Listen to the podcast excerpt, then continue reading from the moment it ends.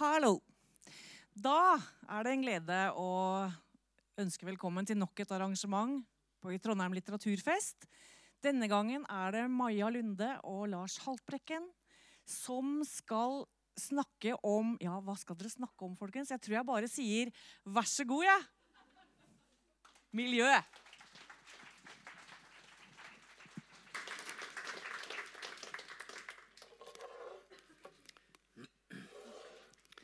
Ja, takk for det. Velkommen til Trondheim, eh, Maja. Takk. Veldig hyggelig å være her. Ja, det er en fin by. Ja, det er det. Ja. Her eh, er det, altså. Alltid hyggelig å være her. Mm. Eh, det vi skal snakke om, eh, det er jo miljø. Eh, men det er i all hovedsak eh, ikke den siste boka di, men eh, den som kom i fjor høst, 'Blå', som er en eh, klimaroman. Er den siste boka som ikke handler om jul. det er den siste boka Ja. som ikke handler om jula. Det er helt riktig. Uh, og jeg tenkte at vi skulle starte med en scene fra boka, og du skal få lov til å lese sjøl. en scene som uh, utspiller seg i uh, hjem hos den ene hovedpersonen. Eh, det er middag, eh, og til stede under middagen så er da Signe, som er den ene hovedpersonen i boka, og mora og faren hennes. Mm. Og Signe er liten. Og dette er vel i 1957, kanskje? Noe sånt? Ja. Det er et tilbakeblikk, da. Hun sa det til desserten, bar nyheten inn i livene våre som om det var den vi skulle spise tilslørt med brødsmuler og krem. I dag ble det endelig vedtatt, sa hun. De legger Breio i rør. Jeg forsto ikke meningen i setningene, ikke da, men jeg så at hun smilte, at hun syntes dette var en god nyhet, samtidig som hun lot ordene henge, og jeg skjønte at hun var usikker på hvilket svar hun ville få fra pappa. Hva? sa han bare som om han ikke hadde hørt det hun sa. Og han la skjeen fra seg på tallerkenen, selv om den ennå var fylt av krem og eplesyltetøy. Det er vedtatt, sa mamma. Men du skulle ikke opp før på neste kommunestyremøte. Ja, vi fikk det gjennom allerede i dag. Nei, det kan ikke stemme. Men Bjørn, det er dette alle vil. Han reiste seg, tallerkenene på bordet klirret. Han ropte noe, stygge ord, ord jeg ikke fikk lov til å bruke. Men hun snakket rolig, med samme stemme som hun iblant brukte til meg. Folk har jobbet for dette siden 20-tallet. Men skjønner ikke hva de har? ropte han. Hva elva er? Ja, men det er akkurat det de gjør. Det er en utrolig mulighet. En helt ny start for Ringfjorden. Og det du skriver om her, er jo et av de mest sentrale temaene i norsk miljøkamp gjennom uh, dets uh, litt over hundreårige historie. Uh, konflikten om utbygging av norsk vassdragsnatur. Og det er jo en sterk konflikt som splitter familien, og som etter hvert også splitter Signe og kjæresten hennes eh, i boka. Eh, men grunnen til at jeg ville at du skulle lese det der, det var at uh, i går så var det faktisk på dagen 40 år siden uh, at uh, en lignende scene kanskje utspilte seg eh, et annet sted i Norge, i Alta. For at i går var det 40 år siden at Stortinget vedtok utbygginga av eh, Alta-Kautokeino-vassdraget, som jo også førte ganske svære protester. Og når jeg leser boka, så ser jeg jo at du har henta litt uh, inspirasjon ifra, fra den, eh, den kampen. kampen. Uh, og akkurat som eh, naturvernerne og de samiske interessene nekta å gi opp kampen for Alta-Kautokeino-vassdraget når vedtaket var gjort, så nekter jo også Signe og faren hennes å gi opp uh, kampen for uh, eh, elva si. Eh, og så har jeg jo eh, sjekka eh, og funnet ut at jeg tror du var seks år i 1981, da det virkelig sto på i Alta. Jeg var ti år, så ingen av oss eh, var vel i eh, lenkegjengene. Men eh, hvis du hadde vært litt eldre, hadde du sittet i lenkegjengen i Alta? Antageligvis så hadde jeg ikke det. Nei, hvorfor ikke? Eh, fordi at jeg har ikke vært en aksjonist opp gjennom livet. Eh, jeg har gått i noen tog eh, opp igjennom, men jeg har aldri lenka meg fast. Eh, og jeg er forfatter, da. jeg liker egentlig best å sitte hjemme foran PC-en. I stedet for 40 minus. Ja. Det var ganske kaldt i Alta. Ja. Jeg har prøvd det andre. Ja. Det kan være verdt å prøve det hvis du får sjansen en gang. Jeg sto faktisk foran Stortinget og holdt min aller første appell for noen uker siden. Oh ja. Ja. På den klimamarkeringa Ja. som er hver torsdag? På den første av de. Ah, så bra. Mm. Så det var fint. Ja, Det var det. ah, Men jeg merker jo det at eh, nå skrev jeg også min første kronikk, som delvis var det samme innholdet som i den appellen. Og det er jo noe som fort kan bli en full jobb. Eh, Jeg merket jo Etter den kronikken så kom det jo liksom, var det plutselig i gang eh, debatt med politisk redaktør i Dagens Næringsliv, og Dagsnytt 18 ringte. Hadde vært der én gang, og så ville de ha meg tilbake, og ringte hver dag. og Det er, altså, det er full jobb, det. Jeg tenkte jeg skulle komme inn på det. Ja, Komme inn på det litt, eh, litt senere, akkurat, uh, akkurat det der. Men husker du hvordan ditt eget miljøengasjement ble vekka? For du må jo ha et miljøengasjement, for du skrev 'Bienes historie', som er i miljøbok, og så har du skrevet 'Blå', Mm. som er i miljøbok. Jeg har alltid hatt det med meg, og det er jo fordi at jeg hadde foreldre som var flinke til å snakke med meg om dette. Eh, Jeg har eh, 68 generasjonsforeldre som tok meg med. Jeg, mitt første eh, tog var vel kanskje 8. mars 1976, da. Ja. Så jeg har jo liksom historie for tog. Ja. Eh, men eh, ja, klassisk 68-generasjonsforeldre og hadde og atomkraft eh, på veggen. Ja. Og vi snakket veldig mye om disse tingene hjemme. Eh, og det er jo noe jeg tror er lurt å gjøre med unger. Mm. Eh, og, og skape den bevisstheten helt fra de er små. Mm. Um, og jeg, det har vært ganske morsomt de siste årene. fordi at etter at jeg begynte å skrive ordentlig mye Jeg har alltid skrevet, men jeg visste vel egentlig ikke at Jeg hadde liksom aldri noen plan om å bli forfatter. Jeg har, bare, jeg har vel egentlig bare blitt forfatter fordi jeg skrev. Jeg har ikke blitt forfatter fordi jeg ville bli forfatter. men jeg ser at de tekstene jeg skrev jeg var barn og ungdom, de er jo på et eller annet slags sånn pussig vis veldig like. da. Det er nesten litt sånn skremmende. Og jeg skriver masse om klima ehm, Eller jeg gjorde det også da jeg var, var barn og ungdom. Og jeg tegnet masse. Jeg har en sånn utrolig dyster tegning av et dødt landskap og en blikkboks med én enkel hvitveis som liksom henger med hodet. Og så står det 'Vår 2100'. Maja, tolv år. Ja, så det har definitivt vært der hele tiden. Men du er optimist, eller? Eh, Annenhver dag. Annenhver dag. Og Ja. så er du pessimist. Ja. Eh, jeg syns det har vært litt tøft etter den siste klimarapporten til FN. Ja. Jeg, altså det det syns jeg faktisk det har vært. Også, også, Eh, men jeg prøver å Jeg, jeg tror at eh, hvis jeg går liksom for mye inn i det pessimistiske, så klarer jeg ikke å skrive engang. Så jeg prøver å holde på optimismen, da. Og så beskriver du jo eh, Det er jo to historier i boka di. Eh, Den ene er jo da om eh, Signe. Og den andre er om David og dattera hans i 2041. Som egentlig ikke er så veldig lenge til. Og hvor de er på flukt fra klimakrisen i Europa. Det er ekstrem tørke, og det er vannmangel.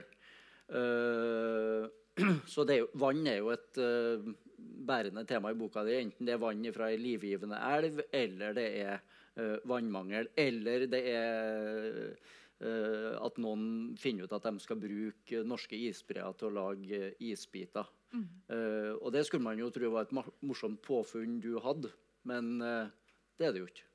Nei, denne boka starter jo med Signe i dag, som er en, en eh, godt voksen kvinne på 67 år som kommer tilbake til hjembygda si Ringfjorden Fordi hun har funnet ut at de har startet å utvinne den lokale breen, blåfonna, som er det siste igjen av den naturen som hun virkelig elsket, fordi både elva og fossene er lagt i rør. Og så er det i tillegg sitter hennes ekskjæreste og eneste store kjærlighet i det styret. Mm. Som har vedtatt denne utnyttingen av, av isbreen. Da. Og det de gjør, er at de kutter opp isbreen og den, eh, pakker den inn i eksklusive mørkeblå bokser av plastikk og sender den ned til land i ja, ørkenland hvor den blir solgt som svært eksklusive isbiter. Det er ikke en idé du har Nei, det er ikke en idé jeg har funnet ut. Det høres jo ut som fiksjon, og det er ganske morsomt, eller ikke morsomt, men litt tragisk egentlig, å bli konfrontert med det her, særlig i utlandet hvor ikke så mange har hørt om dette. er jo liksom, ja ja, fin bok, men den derre isbithistorien, det var liksom litt too much. Eller Men det er jo helt øh, Det er basert på uh, utnytting av bl.a. Svartfjorden. Mm. Nei, Svartisen, som foregår i, i Norge i dag. Ja. Mm. Mm. Det er det. Men øh, så er det jo sånn øh, at øh, den historien til David det er jo om klimakrisen og tørke. Mm. Og så kom denne boka i fjor høst. Og i år, i sommer, så fikk vi først en behagelig sommer. Vi var veldig glad for at det var varmt og tørt. Og så begynte jeg etter hvert å bli litt ubehagelig. Så ble det veldig ubehagelig. Ja. Og vi fikk en uh, ekstremt tørr sommer. Ikke bare i uh, Norge, men uh, også ellers. Mm. Så du er jo sannspådd, da. Ja, jeg, det var, jeg tenkte jo mye på denne boka i sommer, og øh, opplevde som mange andre en sånn slags ambivalens i forhold til at først var det veldig deilig, men så ble det bare veldig ekkelt. En slags sånn værambivalens, på en måte. For man vet at dette her er ikke sånn som det skal være. Um, og så tenkte jeg at det kan hende jeg hadde skrevet 'Blå' som en annerledes roman hvis jeg hadde hatt den sommeren bak meg. Fordi jeg har jo lagt mitt tørkescenario til 2041 og til Sør-Frankrike. Um, og det jeg beskriver, er jo at det har i tillegg til at det har vært en, en fortsatt um, oppvarming, en global oppvarming, som da rammer eh, bl.a. Sør-Europa hardt, så har det vært en femårstørke. For det er også sånn som kan skje. ikke sant? Sånne typer klimafenomener som vi kan få. Um, som har gjort at nå, altså hele Sør-Europa har um, er helt i oppløsning. Um, og så har Nord-Europa stengt grensene, så vi har fått interne europeiske klimaflyktninger. Mm. Og det er jo også en klimakonflikt. da. Så det er jo to konflikter. Det er Signes Mm. vannkonflikt, og så er det denne andre konflikten. Um, men jeg tenkte jo at jeg kanskje burde lagt, hvis jeg hadde visst hadde hatt denne sommeren bak meg, at jeg kanskje ville lagt det enda nærmere i tid. Ja. Og at jeg kanskje ville lagt det enda lenger nord. Fordi nå er det så uforutsigbart. Og vi vet ikke hva som kommer. Nei. Vi gjør ikke det. Eh, og så i uh, forarbeidene til boka di så var du på besøk også til tre flyktningleirer. Mm. Kan du fortelle litt om det? Ja, Um, Davids historie i Frankrike den starter når han og hans lille datter kommer fram til en flyktningleir hvor han har et håp om at han skal gjenforenes med kona og deres lille baby, som de har blitt splittet fra i en veldig dramatisk flukt, som jeg ikke skal røpe for mye av. Um, og en stor del av fortellingen foregår i denne flyktningleiren. Og derfor var det viktig for meg å, å ja, forsøke å være um, tro mot den settingen også. Så der var det eh, naturlig å, å dra og besøke ulike lærere. Jeg dro med en organisasjon som heter Dråpen i havet. Mm. Så jeg fikk jobbet litt grann også. Skulle gjerne jobbet enda lenger. Men um, um, det var tre veldig forskjellige lærere. Den ene var en eh, ikke-offisiell leir, så da ble jeg smuglet inn. Um, og der var det helt forferdelige forhold. Det var en nedlagt flyhangar. Folk hadde liksom ikke det aller nødvendigste engang. Um, og så var det en leir som lå langt utenfor byen. Som var en veldig sånn lukket mor-barn-leir. Eh, men som for så vidt var ganske eh, Ga meg en del ideer om på en måte hvordan denne leiren ser ut, for den ligger også veldig isolert. da. Eh, og så var jeg i en veldig forholdsvis velfungerende leir hvor, eh, hvor ting som var en offisiell leir, en stor leir, hvor, og ting var ganske på stell. da. Em, og den, det som, Der var der jeg var mest. Og der ble jeg også kjent med ganske mange av de som bodde der. Og, og det var noe som, som hjalp meg veldig i forhold til hvordan jeg skulle skrive denne fortellingen også. og få inn også lyset, da. Fordi det som man, når man tenker på flyktningleir, så er det jo lett å tenke på det som kun dystert. Men det jeg ble minnet om der, er jo hvor flinke mennesker er til å ta vare på hverandre i vanskelige situasjoner. Og hvor mange fine vennskap som oppstår på tvers av alt. Eh, og hvordan mennesker er gode til å fortsette å gjøre det de eh, Å lage liksom eh, lys i mørket. Og her, jeg var i en tolvårsdag som var veldig, veldig fin. Eh, alle, det var utrolig mye latter og smil og omsorg. Da. Og det er jo også noe av det, På de optimistiske dagene så prøver jeg å tenke på det òg. Hvor flinke vi mennesker er på disse tingene. Og det kan jo hende at det blir mer bruk for det, for at eh, hvis eh, klimapanelet har rett, som de med stor sannsynlighet har, Mm. så vil jo dagens flyktningutfordringer bare De er bitte små i forhold til det vi Ja. kommer til å møte. Mm. Så ja.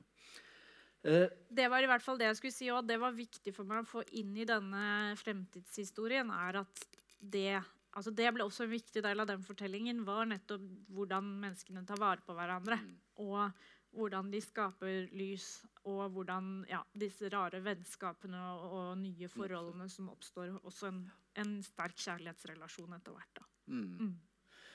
Eh, det her er jo den andre miljøboka. Eh, og har du noe ønske om å oppnå noe med bøkene? Når jeg sitter og skriver, så er jeg uh, Tenker jeg ikke på budskap. Um, og jeg får jo veldig ofte spørsmål om det. Hva er budskapet ditt? Um, og hvis jeg skal sitte og tenke på budskap og la det forme teksten, da er jeg ikke lenger romanforfatter, da er jeg politiker. Og det har vi nok av. Eh, ja, og jeg er ikke politiker. Nei. Eh, sånn at for meg så handler skrivingen om å, å være i et tema som engasjerer meg, og utforske det. Og så handler det om å forsøke å finne svar på ganske mange spørsmål. Så jeg jobber hele tiden med noen spørsmål som jeg lurer veldig på. da. Em, og så handler det jo om å bli kjent med disse menneskene som jeg skriver om. Å være i de fortellingene og prøve å være så tro mot de fortellingene som jeg overhodet kan. Um, og Derfor kan jeg også av og til bli litt overrasket når særlig Signe, da, som er klimaaktivist Noen lesere tenker jo at hun, jeg og hun mener det samme. Men det Gjør jeg. Jeg mener jo ikke det samme som Signe om alt mulig. Nei. Akkurat som jeg ikke mener det samme som William, eh, 1800-tallsbiologen i Bienes historie. liksom. Nei, det, for, dette er jo romankarakterer som for meg blir litt sånn de, de lever jo inni meg, og jeg forsøker, å, når jeg lager dem så, og tenker på dem, så skriver jeg dem jo som det jeg tror de er, som mennesker. Ikke for å være bringer av noe slags budskap, da. Men så har jeg jo også det privilegium at jeg får lov å reise rundt og snakke om temaet i disse bøkene. Ja. Og kunne si hva jeg mener. Ja. Og det er jo Der kan jeg jo være klar. Og det er jeg jo også. Ja. Ikke sant? Og nettopp da med å holde appell og skrive kronikk. Og, og jeg har jo veldig sterke meninger om dette. Og jeg ville jo aldri begynt å engasjere meg og begynt å skrive disse bøkene hvis det ikke var fordi at jeg har et sterkt engasjement og er oppriktig redd. Har du klimaangst?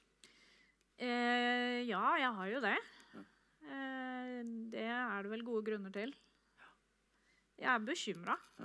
Så det er ikke sånn, for at uh, Bøkene dine, uh, 'Bienes historie' og 'Blå', uh, de har jo solgt vanvittig masse, også i utlandet. Mm. Og så drar du rundt i verden. Eh, er du stolt av Norge, da? stolt av miljøpolitikken Norge Nei, fører? Nei, da, det har jeg da skrevet en ytring om på NRK. Det var da min første kronikk, som jeg nevnte i stad. Og det var, jo, eh, det var jo full jobb et par uker. Der viste det seg skrevet en sånn kronikk, så det blir det lenge til jeg gjør igjen, tror jeg. Men Det var synd, for jeg syns den var bra. ja, takk skal du ha. Uh, men eh, Nei, da, da rekker jeg ikke å skrive bøker, da. Det er det. Nei, så Ja, du må velge. Ja, ja, da tror jeg jeg velger bøker. Ja. Eh, men nei, jeg er jo ikke Jeg mener jo at vi kunne gjort veldig mye mer. Mm. Og det var jo utgangspunktet for den kronikken òg, som er noe jeg har tenkt mye på i mange år. Det er at vi har en ganske unik eh, posisjon i verden. Vi er et lite land med ekstremt god økonomi. Vi har eh, Det er korte kommandolinjer på en måte fordi vi er små. Eh, det er kort fra, fra grasrot til politikere. Eh, vi er ikke medlem av EU, noe som også gir oss en del frihet. Eh, og vi har enormt mye eh, Altså vi har et så godt grunnlag da, i forhold til teknologien vår, både på olje og kraft. Så vi har på en måte muligheter til å være et skikkelig grønt foregangsland. Mm. Og bli det der Fordi vi trenger noen lokomotiver i verden i dag. Vi trenger at noen liksom tar på seg den der grønne ledertrøya, bare gasser på og gjør alt. Mm. Og da mener jeg at jeg er stolt av noen av de tingene vi har fått til i Norge, men jeg vil bare ha mer av alt, da. Em, Men du fikk litt kjeft for det der av tre menn. ja, det var tre menn da, som eh, eh, egentlig ikke var eh, de var, jeg, mitt, Min innledning var at jeg skrev at jeg skulle ønske jeg var, at når jeg sitter og gjør intervjuer med utenlandsk media, så sitter jeg og vrir meg litt. Fordi at jeg kjenner at jeg skulle ønske jeg var stoltere av Norge. Og jeg vet ikke helt hva jeg skal svare, for jeg syns ikke vi har Jeg skulle ønske vi hadde mer å skryte av. Mm. At, at det er fint med elbiler. ehm, og noen andre ting, selvfølgelig. Men det var mitt retoriske utgangspunkt. Og så svarte selvfølgelig disse tre mennene at dette kan du si, Maja Lunde, i medier. I.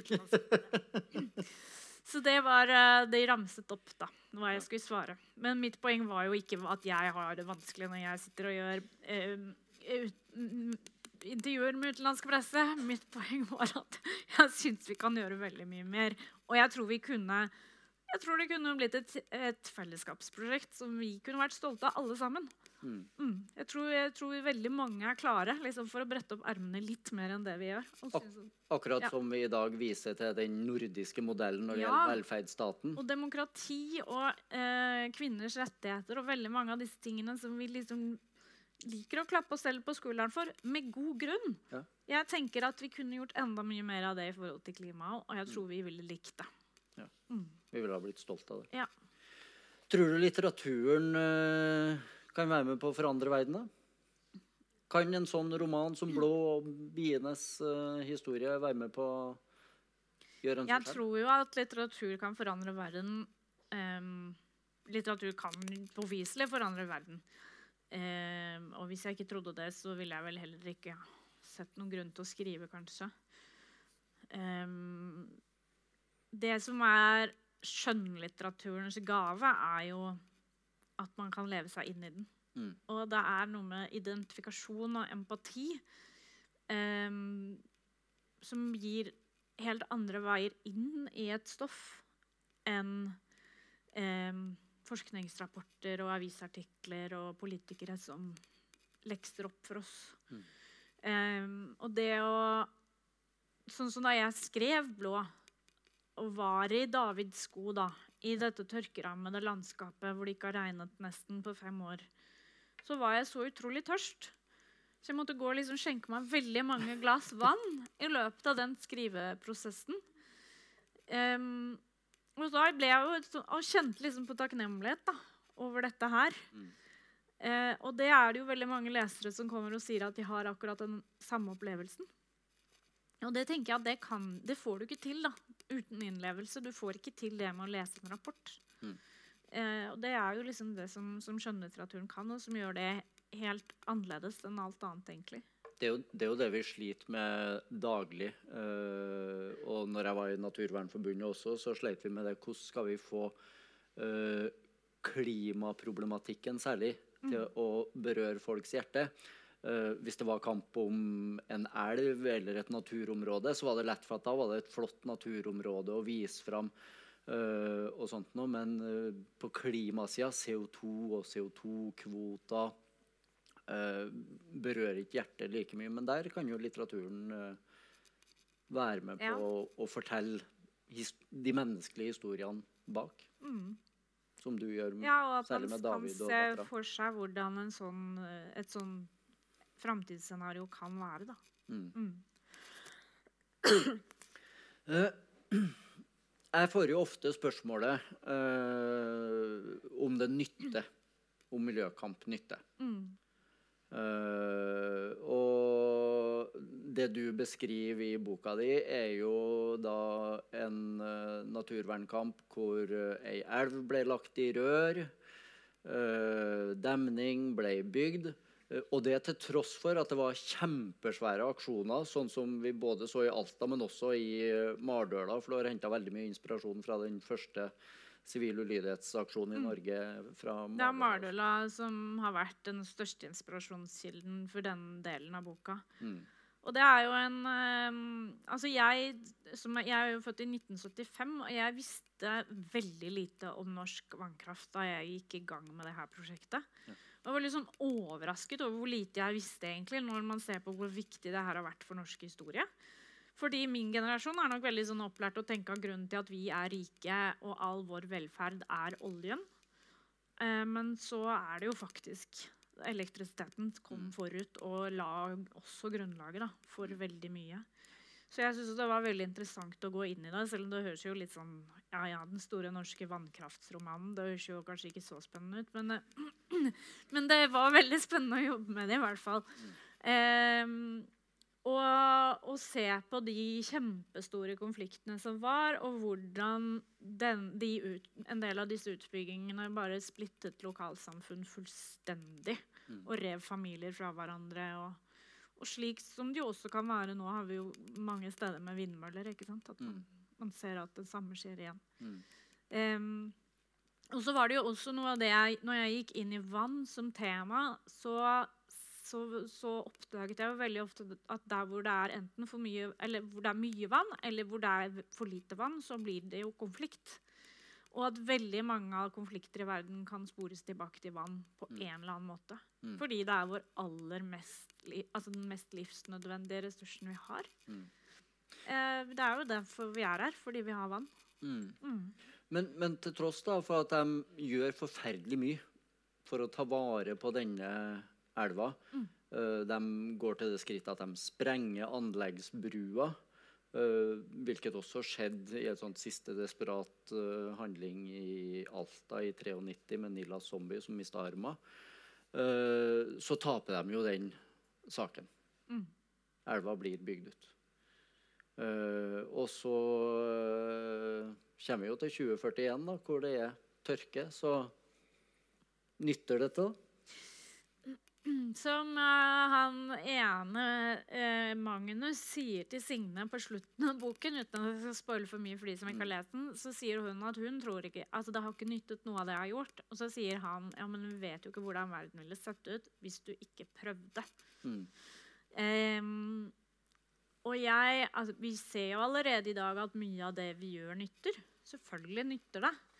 Uh, vi har jo kommet langt på en god del områder fordi vi gjør noe. Mm. Eh, hva er det motsatte av å tenke at det nytter? da? At vi skal leve som om i morgen er den siste dagen? liksom? Det er jo ikke noe alternativ. Vet du hva den største seieren til norsk miljøvernbevegelse er? Nei. Du nevnte den tidligere. Du gikk i tog mot det. Atomkraft. Ja. Vi har ikke atomkraftverk i Norge. Mm. Og det er, for at, eh, det er ikke fordi at det ikke var planlagt, for det var det. Det var planlagt atomkraftverk eh, langs eh, Oslofjorden og andre plasser av norskekysten, men det fikk man stoppa, for det var overalt hvor de kom og skulle bygge, så ble det møtt med naturvernere og lokalbefolkning som sa vi skal ikke ha noe atomkraftverk her, og det kan dere bare Så det er et Ja. eksempel på at det faktisk nytter. Det jeg også syns var så interessant med å gå inn i akkurat vannkraft og grønn energi, er, var jo nettopp det at, det er, at den er grønn. Mm. Og at eh, den har jo også gjort Vannkraft har vært utrolig positivt for oss. Eh, og derfor òg var det altså Som romanstoff da, så var det eh, interessant fordi det fins ingen klare svar. Det er ikke sånn nei 100% i vannkraft. Og vel, en god del av de kraftverkene vi har, har jo vært helt nødvendig for at vi skal ha den velferdsstaten vi har. Mm. Eh, men så er det jo også sånn at et sted må man sette grensen. Mm. Og nå er det vel 70% da, av norske elver er i rør. Mm. Er det ikke noe sånt? Jo. Eh, og så er det noen som ønsker å ta enda mer. Mm. Men det syns jeg eh, er liksom en sånn Nesten symbol på hvordan vi mennesker hele tiden utnytter jorda. Og det spørsmålet vi hele tiden kanskje bør bli flinkere til å stille oss, er hvor går grensen? Når er det nok? Men da vil jo en Og alt med måte, liksom. ja, Ja. For en del vil jo da komme og si at jo, men vannkrafta er ren, som du sa, så den kan jo erstatte kullkraft. Mm. Ja. Eller Og det gjør den jo. Det er jo veldig, veldig bra. mm. Mm.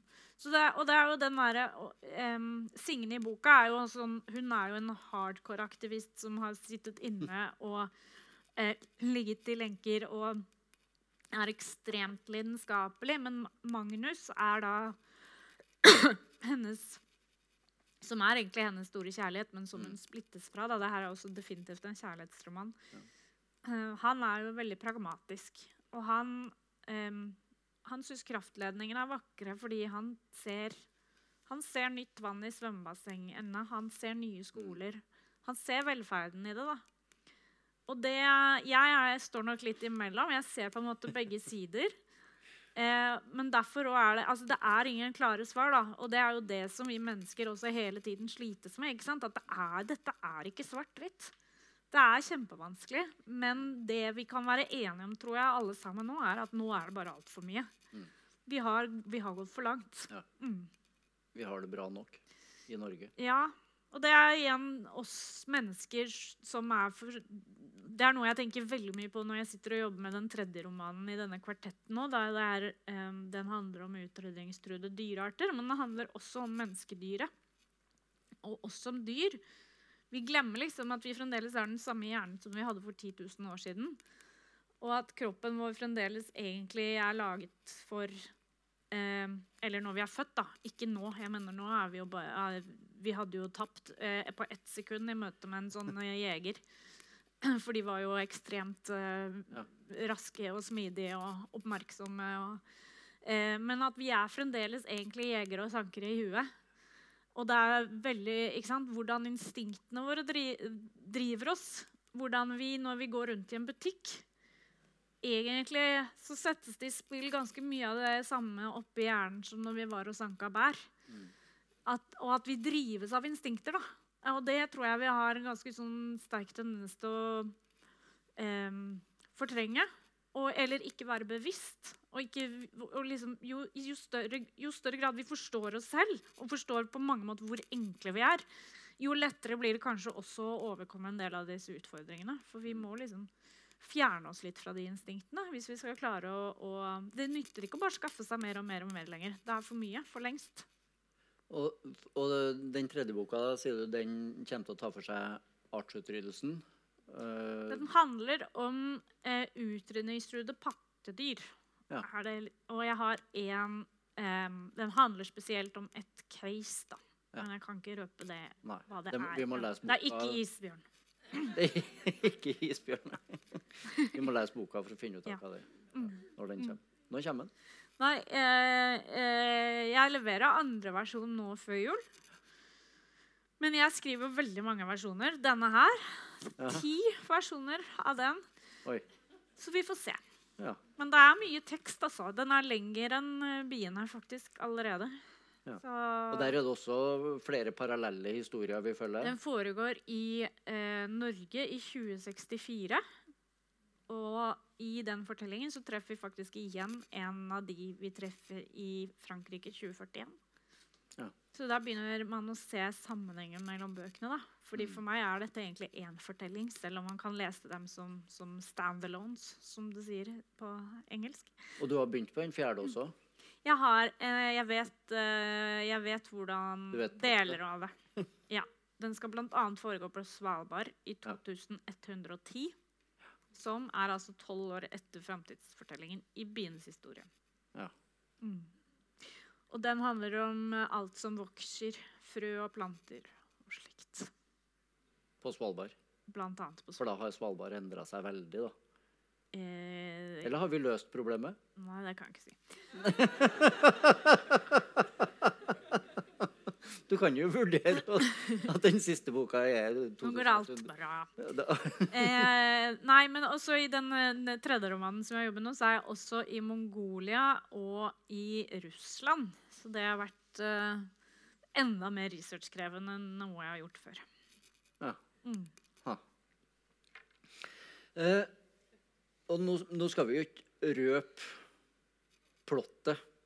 I, i blå, for det kan jo være noen som uh, ikke har uh, lest eh, boka her også. Men det er jo sånn at til slutt så møtes jo disse to historiene. Signe sin historie og David og Det jeg kan røpe, historie. siden det står på baksiden av boka, det er at eh, det er sånn at Signe hun, setter, hun bestemmer seg for at hun skal konfrontere Magnus i dette. Fordi Signes fortelling er på to plan. Det er et nåtidsplan hvor hun er alene i seilbåten sin. Og så er det et fortidsplan fordi hun tenker tilbake på det, hvordan hun ble som hun ble. egentlig. Og barndommen og hele denne kraftsaken i bygda. Og i det nåtidsplanet så, så drar hun på et slags hevntokt i sin seilbåt for å konfrontere Magnus, som hun elsket da. Og kanskje egentlig elsker fremdeles. Um, og så er det sånn at i Davids historie så finner han og datteren en båt på land langt inne i dette tørkerammede landskapet. Mm. Så da kan man jo bare gjette hvem sin båt det er. Em, det som var veldig fint med å skrive om Davids fortelling i forhold til Det det, er ikke bare det at de finner den båten, men det Nei, men du må ikke- nå skal du si noe mer. Nei, jeg skal ikke si noe mer, men det er noe mer enn det. Men i hvert fall så er det sånn at eh, den båten blir en, em, en arena for eh, lys og lek. Og det tenkte jeg mye på når jeg skrev den fremtidsfortellingen. er At em, altså verdien av lek da, verdien av, lek er jo historiefortelling også. Verdien av å fortelle historier når ting er vanskelig. Fordi David han ser på seg selv som en ganske sånn Han er, han er en veldig ung pappa, og han er ganske misfornøyd med seg selv som far. Men jeg syns egentlig han er en veldig fin far, fordi det han er så god til, er å leke seg vekk, eller la datteren få fantasere seg vekk fra den her tøffe virkeligheten de er i. Og båten blir en arena for denne leken, Mm. For de to har det veldig fint. da. Eh, så det handler boka også en del av. En slags hyllest, hyllest til lek. Jeg vet ikke om noen andre har sett La Vita e Bella, men det er litt også inspirert av den fortellingen der. Mm. Vet du, Maja, jeg tror at uh, du klarer å inspirere veldig mange på en annen måte uh, enn både politikere og miljøbevegelse klarer å gjøre gjennom uh, bøkene dine og skape eh, hjertevarme for eh, de eh, viktige sakene som eh, vi jobber med. Eh, og så er, dette er ikke min bok. Eh, dette er Stortingsbiblioteket sin bok. Eh, og som du ser, så er den ganske slitt. Jeg lurte litt på det. Ja. Jeg tenkte at du hadde lest den om bord på en båt eller noe. Nei. Så denne tror jeg, håper jeg i hvert fall, det tyder på at det er mange stortingspolitikere og ansatte ja, på Stortinget som har uh, lest den. Så vi får håpe at det Ja. viser seg i politikken i årene framover, at de eh, tar det budskapet ditt på alvor. For det er et viktig budskap du kommer med. Skal vi avslutte med det? Mm, Ja. takk for meg. Tusen takk.